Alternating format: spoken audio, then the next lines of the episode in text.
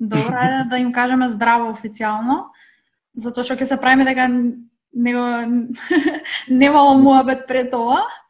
Да. здраво на сите. А, денес тука со нас е Петар Антески, без В, така? Со В. Со В. да, да. Ја дека сум без В, па сите си ги правам без В, да се така да. Па истото јас го правам сите што се без В, јас ги викам со В, така да не исто сме. Fair enough. Добро, Да. а, скоро небитно, ама да се насмееме. Иначе Петар работи на Пресврт, односно во Пресврт.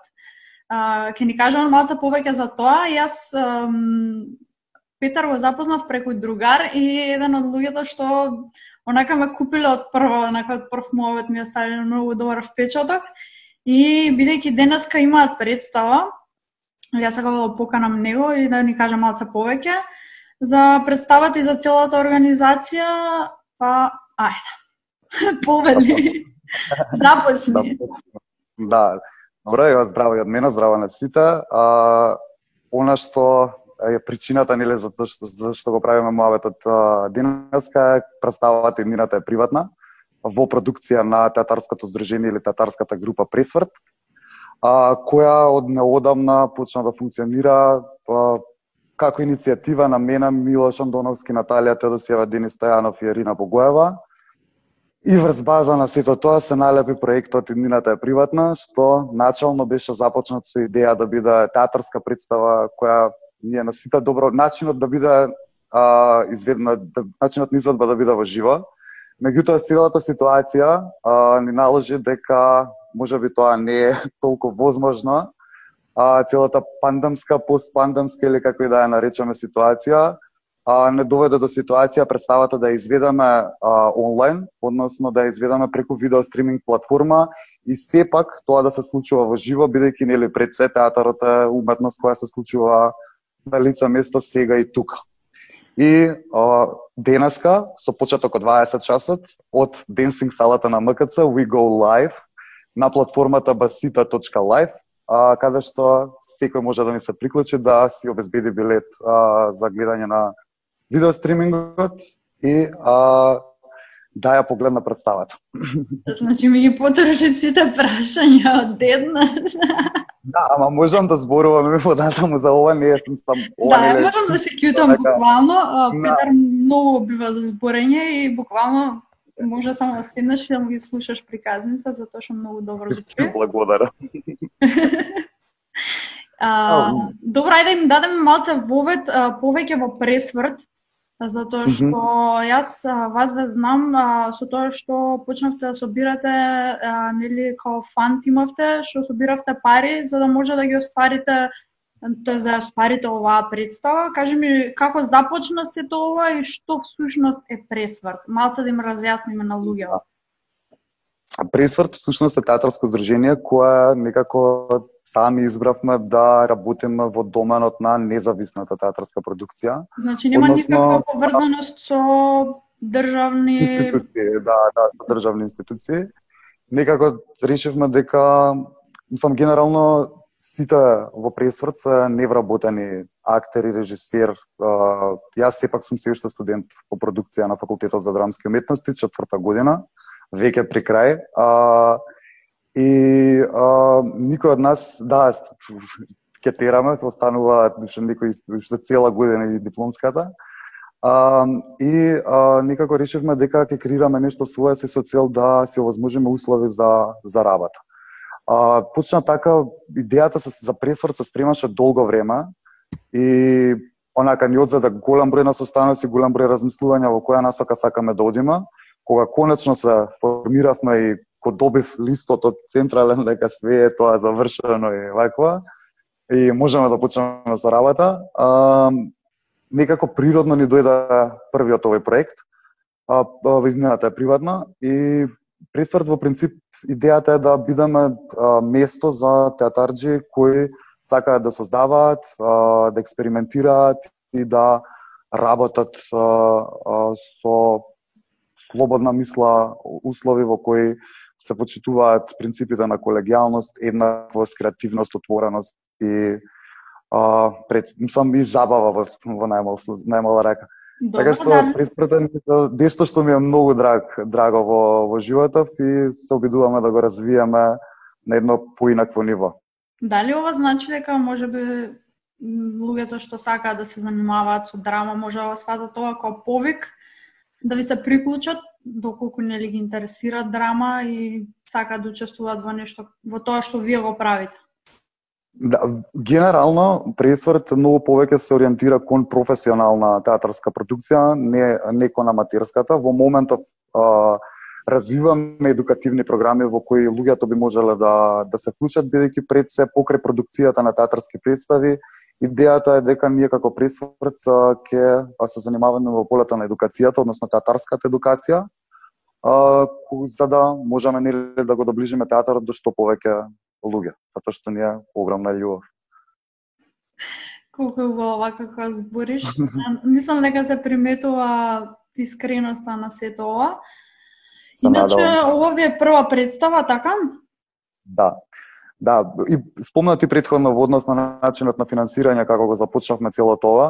А, прва представа ни начинот на кој почнавме да ги собираме средствата за за продукцијата на оваа представа беше преку краудфандинг кампања, која исто маста ми ја извади од технички аспект за тоа како да се стигне до а, вршење на плаќање и донации од Македонија, бидејќи сме доста ограничени во однос на на платежните опции а, на таквите платформи. Меѓутоа и тоа некако го пројдовме и краудфандингот беше а, начин на кој ние побаравме помош од луѓето да а, да ја поддржат продукцијата на а, на представата еднината е приватна. Се со цел идејата беше покрај тоа што ќе донираат како на некој начин да си ги обезбедат билетите на време, а нас да ни помогнат да ги да отпочнеме самата продукција. Дали собравте доволно средства и дали луѓе поддржуваат вакви иницијативи? Ова е доста интересно прашање на кое можеби ќе немам а, конкретен одговор. А, меѓутоа најконкретниот одговор е не, не ги собравме сите пресред, потребни средства за пресавата, бидејќи нормално ние ги збуџетиравме трошоците првични кои кои сметавме дека а, дека ќе ни се потребни.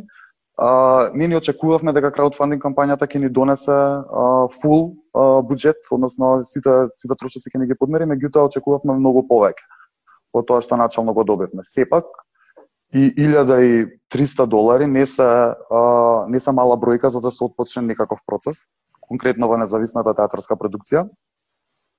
И а, всушност а, интересното е што како што почнавме кампањата после неколку дена почна пандемија, односно се прогласи пандемијата и почна карантинот.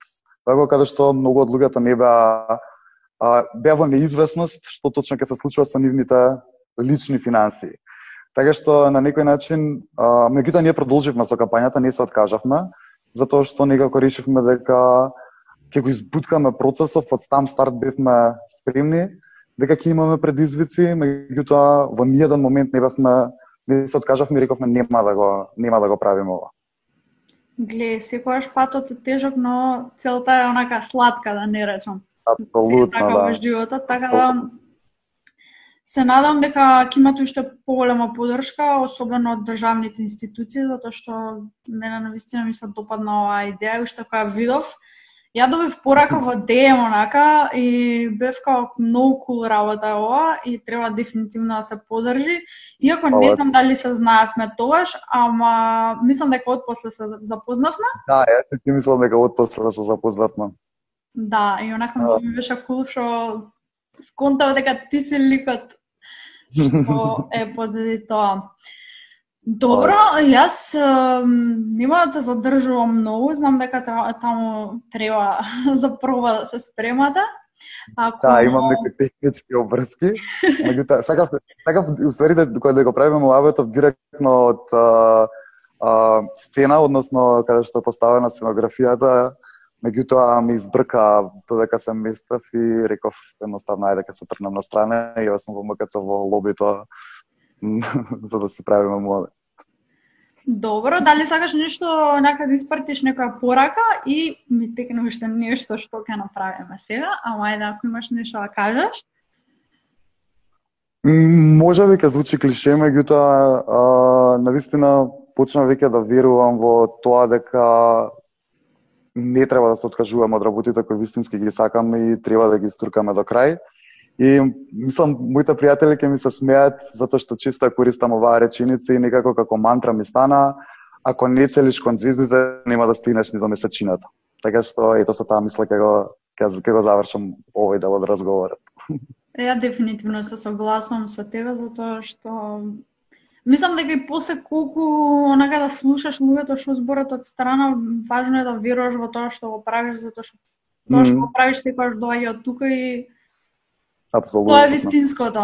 А, јас би ти поставила предизвик со тоа што јас сум дел од кампањата за Телеком, What We Do Next, и сум во а, категоријата еднаквост, па би го искористила ова да ти поставам јас на тебе предизвик, односно еден од предизвиците кои се во мојата категорија. А, да. да кажеш некоја лично што те инспирира за да бидеш подобра верзија од себе си. А, у секунда го знам одговорот. Тоа е актерката Наталија Теодосиева, со која и го основавме присврт, и која е дел од актерската екипа на а, представата Еднината приватна а, она е девојка која а, на прв поглед, на прво запознавање, а, осетив некоја огромна платонска љубов према незин начинот на кој гледа на животот и а, а, ги третира луѓето околу себе си е нешто што дефинитивно ме инспирира и јас да станам подобар човек. И е една од луѓето кои се причина зашто се запишав на ФДО. Баш ми е мило. Добро, фала ти многу и а, се надам исто така како и другите приказни што ќе ги споделиме на овој видео подкаст, а, твоја приказна ќе инспирира некој, односно вашата, ќе инспирира некој да направи нешто што долго го размислува и ќе излезе од својата комфорт зона и ќе се бори за тоа што го сакам. Фала ти многу и со лесно напробај и ќе ве гледаме во 8 часот, односно 20 часот а, на линкот каде? Линкот може да се најде на нашите Facebook, Instagram профили, Пресврт и Пресврт. На Facebook сме на кирилица, на Инста сме на латиница. Така да има или евентот еднината е приватна, таму постои линкот, или директно на basita.life. Добро, како и да јас ќе ставам линк пред да започнете кај мене на стори, така што ќе може да напрати swipe up за да ја гледат представата и се гледаме и со среќа, изгазете и ќе споделиме впечатоци после представата. Споделиме. Фала ти многу на поканата и стварно уживав во овој овој разговор. Чао. Чао, чао.